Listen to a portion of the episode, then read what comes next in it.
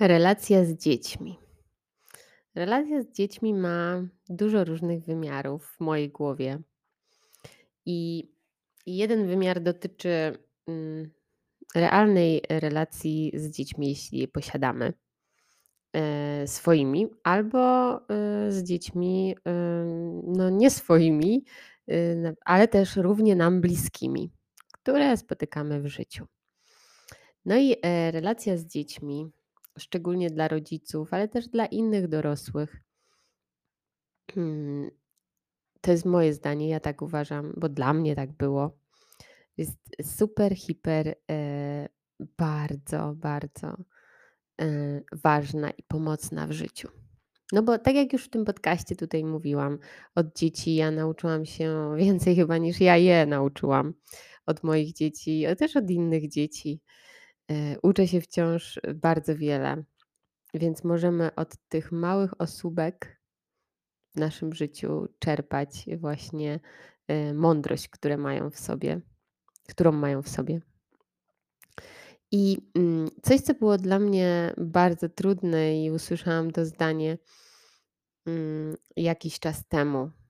Mm, myślę, że fajnie by było, gdybym wcześniej je usłyszała, choć to tylko mój umysł, oczywiście Freddy tak podpowiada, bo pewnie gdybym usłyszała wcześniej w swoim życiu to zdanie, to bym je przyjęła nie tak jak teraz. To znaczy bym nie zrozumiała pewnie tego zdania. Usłyszałam to zdanie od pewnego guru na takim spotkaniu, na którym byłam e, i on e, po prostu to jest indyjski guru, więc tej filozofii wschodu.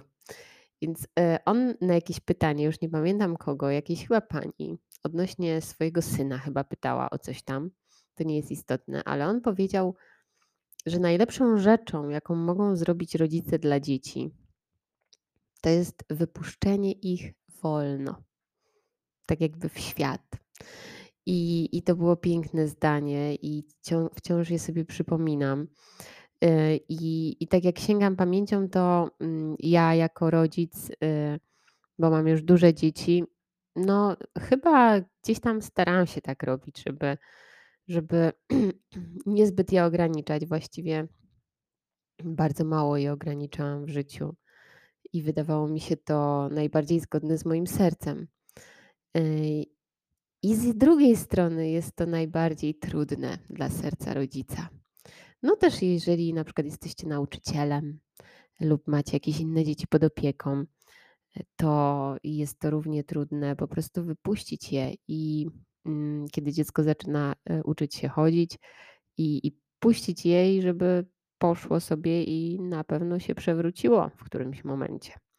I potem takie upadki życiowe bywają jeszcze trudniejsze dla dzieci, jeszcze bardziej bolesne w niektórych sytuacjach, jednak no, jest to konieczne do nauki. Tak jak mm, już tu też w tym podcaście wspominałam, moje dzieci od. Yy, od małego właściwie jeździły na koniach, tak jak e, ja je tam zaciągałam do tej stajni, no to one w którymś momencie chciały jeździć na tych koniach.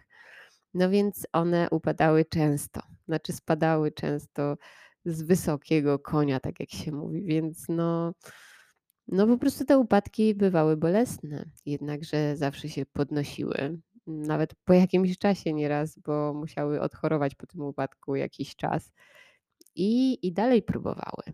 Mm, I uważam, że to jest świetna metafora właśnie tego, że dzieci muszą upaść czasami z wysokiego konia, żeby się nauczyć, że, że po prostu tak w życiu jest, bo, bo w jeździectwie też tak jest, że ten nie spada, kto nie jeździ. Więc w życiu też tak jest, że ten upadek to nie żyje naprawdę.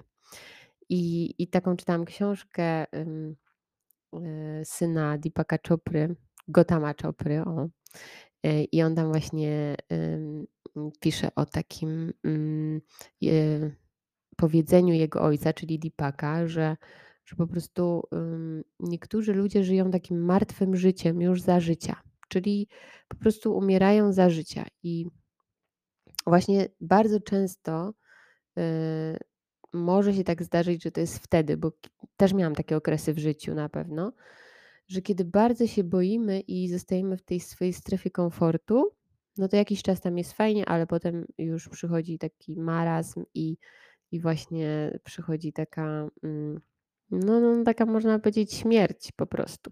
No nie spadniemy z niczego, ale też nic nie zyskamy. W sensie takich doświadczeń, jakiejś radości życia. Więc, e, no tak e, pozwolić tym dzieciom upaść nie jest tak łatwo. Naszym własnym lub, y, tym, którymi się opiekujemy, to wyobrażam sobie, że jeszcze jest trudniej, bo ja w ogóle, jak sobie wyobrażę, że miałabym się opiekować czyimiś dziećmi, to, przychodzi do mnie fala lęku, więc uważam, że to jest jeszcze trudniejsze. Natomiast to jest najlepsze, co możemy dla dzieci zrobić, żeby one uczyły się i one mają w sobie naprawdę taki ogrom kreatywności i mądrości, że one będą wiedziały, jak poradzić sobie z tym, e, e, z tym upadkiem i, i z tym, co źle zrobiły, i z tym problemem, i wymyślą na pewno lepsze rozwiązanie niż jak my im e, prawimy kazania i morały. To oczywiście rodzice fajnie, żeby nauczyli różne rzeczy dzieci, y, i jednocześnie zachować taki balans między tym, czego uczymy dzieci, a tym, że pozwalamy się uczyć dzieciom sa samemu. Bo my nie mamy monopolu na życie i nie wiemy wszystkiego i a a a czasem może nam się tak wydawać, mnie się tak przynajmniej wydawało, że ja wiem wszystko i muszę wszystkiego dzieci nauczyć. Znaczy umysł mi tak podpowiada, bo oczywiście tak nie jest. I wtedy sobie przypominam właśnie ten balans, że nie, moje dzieci wiedzą, jak się uczyć w życiu, wiedzą, jak znaleźć rozwiązania i na pewno znajdą. I niektóre rozwiązania moich dzieci naprawdę mnie zaskakiwały. Były oczywiście pomocne dla nich, ale ja bym im tego nie wymyśliła. Także tutaj właśnie takie odpuszczenie kontroli, puszczenie wolno, y, zaufanie dzieciom, y, to są piękne postawy i traktowanie ich z życzliwością, z ciekawością, po prostu z ciekawością, co one zrobią w tej sytuacji, te dzieci. I muszę powiedzieć, że naprawdę to są bardzo kreatywne rozwiązania nieraz. Nieraz upadają znowu, no to znowu coś wymyślają i po prostu yy, ja teraz nie mam takiego przykładu, który przychodzi mi od razu do głowy. Natomiast moje dzieci wie, wielokrotnie mi pokazywały, że one wiedzą, jakie są rozwiązania i wiedzą, jakie rozwiązania im pomogą. I ja nie wiem wszystkiego. I ja nie starałam się im tego na siłę e, wdrożyć, co, co mnie się wydaje. Oczywiście powiedziałam swoje zdanie e, niejednokrotnie, e, a one z niego mogły skorzystać lub nie. I to było ok. I to, czy skorzystały, czy nie, to i, i czy skorzystają może w przyszłości, to już jest ich mm, wybór, a, a wiem, że zrobią najlepiej, jak potrafią w danej sytuacji. I ta postawa z jednej strony jest trudna, a z drugiej daje taką ulgę i takie poczucie mm, spokoju, że my nie musimy naszym dzieciom wymyślać życia i nie musimy y, po prostu planować tego życia i nie musimy za nie żyć i nie musimy ciągle im prawić tych kazań i morałów, tylko możemy to odpuścić i po prostu popatrzeć, poprzyglądać się, poobserwować z ciekawością nasze dzieci i, yy, i czerpać z tego radość i z zaufaniem właśnie patrzeć, że, że podniosą się po tym kolejnym upadku i dalej pójdą, bo dzieci naprawdę są do tego zdolne i mają super trwałość zazwyczaj. Dlatego odpuszczanie to jest yy, wspaniała rzecz w ogóle kontroli, a w relacji z dziećmi to już jest w ogóle super ze swoimi lub nie swoimi, lub y, jakimiś bliskimi dziećmi, czy, czy nawet dziećmi obcymi.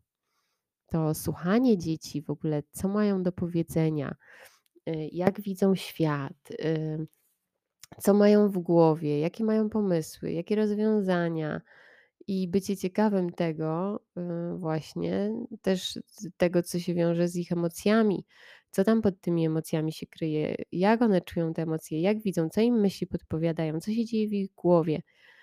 To jest ogromnie ciekawe i fascynujące słuchać dzieci i mm, być ciekawym tego, czy, co oni, czego oni doświad one doświadczają i jak widzą one świat. I zapewniam Was, że możemy my też z tego skorzystać i niejednokrotnie moje dzieci mi pomogły widzieć świat inaczej i niejednokrotnie były to bardzo mądre mm, mm, punkty widzenia tego świata. I jeszcze chciałam powiedzieć o jednej rzeczy, bo jeszcze jedna relacja wiąże się z dziećmi, a jest to nasza wewnętrzna relacja z naszym wewnętrznym dzieckiem lub dziećmi. Różnie to można sobie wyobrazić.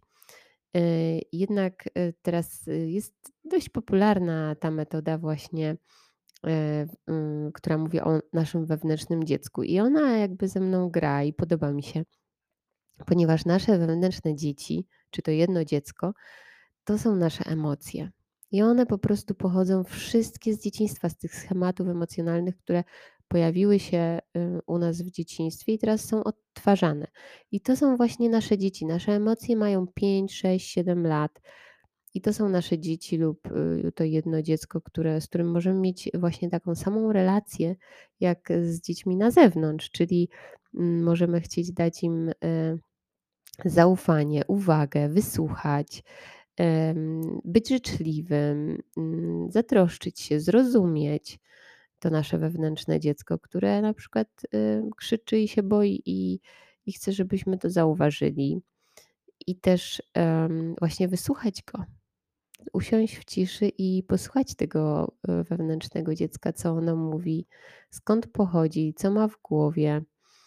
Poświęcić ten czas i uwagę i energię na tą relację ze swoim dzieckiem w środku, w środku naszego życia wewnętrznego. E, to jest piękne doświadczenie, powiem Wam, i mnie pomaga mm, doznać dużo, dużo takiego spokoju w życiu, że, że po prostu nie jestem sama, bo zawsze to dziecko jest i ja jestem z nim, ono też nie jest samo. I sobie razem jakoś poradzimy w tym życiu z tym, co przychodzi. Więc y, to jest uważam, e, bardzo fajna metafora tego wewnętrznego dziecka i nawiązywanie z nim relacji. Oczywiście też zapewnienie bezpieczeństwa, bo tak jak dzieciom na zewnątrz, oczywiście potrzebne jest e, to poczucie bezpieczeństwa naszym dzieciom, żebyśmy e, dali im, że dobra, one sobie poradzą z problemem, a w razie czego my jesteśmy, jak one przyjdą, że chcą tej pomocy, to my jesteśmy i dajemy im tą pomoc to tak samo nasze wewnętrzne dziecko chce mieć takie oparcie w nas, że jesteśmy, że w razie czego mo może zawsze na nas liczyć. I, I coś, co się wiąże właśnie z relacją z dziećmi, ale nie tylko, to dotyczy wszystkich relacji, to jest piękne, to dużo razy czytałam to zdanie gdzieś oczywiście na internecie i, i często sobie je przypominam, bo ono jest przepiękne, żeby kochać w ten sposób tą drugą osobę, czy dziecko, czy osobę dorosłą, czy swoje wewnętrzne dziecko, aby ta osoba czuła się wolna. I to tu moja ulubiona wolność, moja ukochana wolność y, wchodzi do akcji, ponieważ to jest ogromnie trudne, a z drugiej strony tak potrzebne i nam, i tej drugiej osobie, bo y, ja bym chciała, żeby ktoś mnie kochał i y, tak, tak, żebym czuła się wolna jednocześnie. I ja chciałabym się uczyć i, i całe życie pewnie się będę uczyć tak kochać inne osoby w moim otoczeniu bliskie, żeby one czuły się wolne, y, z tą, a nie przytłoczone tą moją miłością, moją osobą, moim umysłem, tylko żeby czuły się wolne y, w życiu, a jednocześnie, żeby wiedziały, że, y, że je kocham i że jestem blisko. To nie jest takie proste. Mm, kochać bez przywiązania, bo nasz umysł postrzega to, że no albo kochamy, albo nie jesteśmy przywiązani.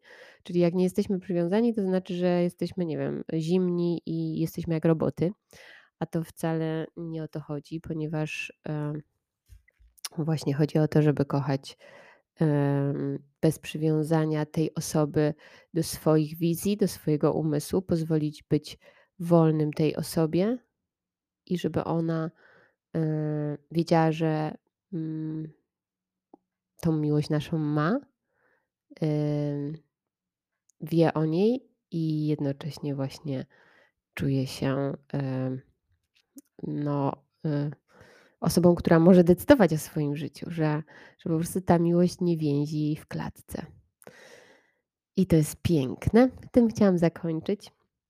Ja uczę się i będę uczyła się przez całe życie kochać tak jakby osoby wokół mnie, które kocham, czuły się wolne Yy, I uważam, że, y, no jest to w tym dla mnie ogromny sens. Sens, można powiedzieć, który nadaje sens mojemu życiu, właśnie, żeby w ten sposób wyrażać miłość i też do siebie, żebym ja czuła się wolna od swojego umysłu, żeby moje wewnętrzne dziecko czuło się wolne od swojego umysłu. Dziękuję za uwagę. Pa, pa.